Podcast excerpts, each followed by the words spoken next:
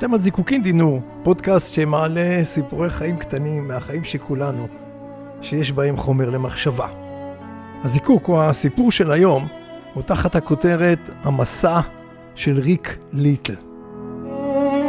לא מעט פעמים בחיי אני עוצר ותוהה מדוע במהלך תקופת הלימודים שלנו אנחנו לומדים ומשכילים בידע מקצועי, ומעט מאוד, מעט מאוד, אנחנו מקבלים כלים והדרכה איך להתמודד עם קשיי היום-יום.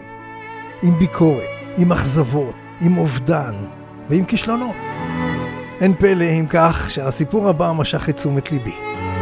הנה, בתרגום חופשי שלי מאנגלית. בחמש בבוקר, ריק ליטל נרדם על ההגה, רכבו עף לצד הדרך ונכנס בעץ.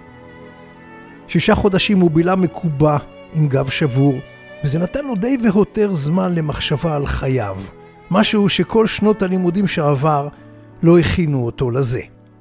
שבועיים לאחר השחרור מבית החולים, הוא חזר הביתה אחר צהריים אחד, ומצא את אמו מוטלת על הרצפה, חצי מאולפת מכמות יתר של כדורי שינה שנטלה. הוא שוב חווה את היעדר ההכשרה שקיבל בבתי הספר כדי להכין אותו להתמודדות עם בעיות חברתיות ורגשיות של החיים. הוא נתקל אז במחקר שנערך, לפיו נשאלו צעירים בשנות ה-30 שלהם, האם בית הספר התיכון העניק לכם כלים וכישורים להתמודד עם העולם האמיתי? 80% השיבו בהחלט לא. שאלו אותם, מה הייתם רוצים שילמדו אתכם? מרבית התשובות התייחסו לכישורי יחסים. כלומר, איך להסתדר עם אנשים שאיתך, איך להחזיק מקום עבודה, איך להיות הורה, איך להבין את הילד.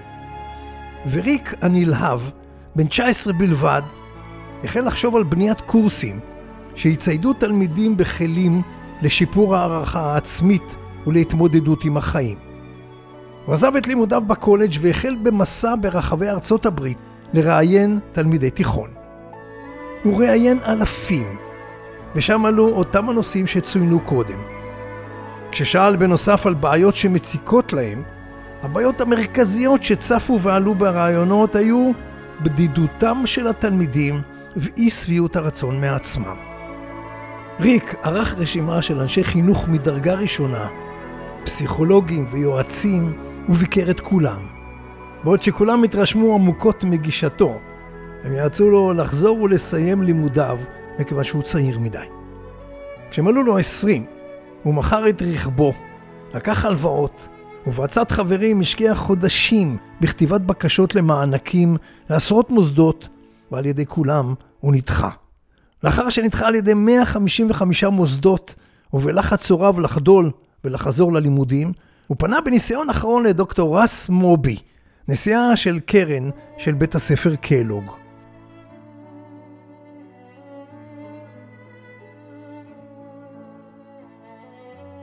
ריק הגיע לארוחת הצהריים איתו מלווה בתחושת כישלון, והוא חש לאחר הפגישה שהיא הייתה מאוד שלומיאלית. שבועיים לאחר מכן התקשר אליו דוקטור מובי. ביקשת 55 אלף דולר, לצערי חבר הנאמנים הצביע נגד. ריק, כשדמעות חונקות את גרונו, חש את חלומו ניגר בין אצבעותיו. אבל אז המשיך מובי ואמר, יחד עם זאת, חבר הנאמנים כן אישר, פה אחד, לתת לך 130 אלף דולר, ולא 55 אלף. וזו הייתה תחילתה של דרך. מאז ריק ליטל גייס 100 מיליון דולר למימון החלום שלו. התוכנית שלו נלמדת היום בכל מדינות ארצות הברית. שלושה מיליון ילדים בכל שנה לומדים כישורי חיים, והכל בגלל בחור צעיר בן 19 שסירב לקבל לא כתשובה.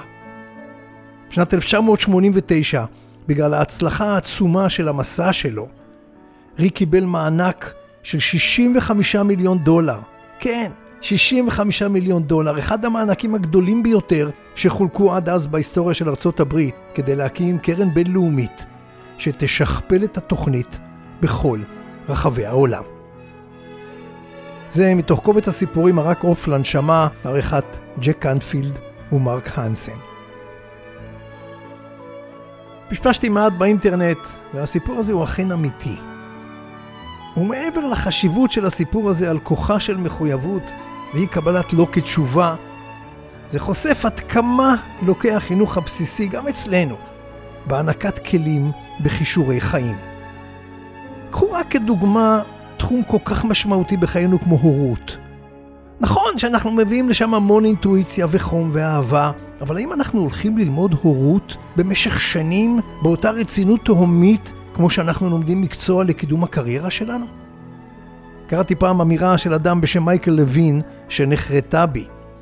כך הוא אמר, זה שיש לך פסנתר לא הופך אותך לפסנתרן, כך גם כשיש לך ילדים, זה לא בהכרח הופך אותך להורה.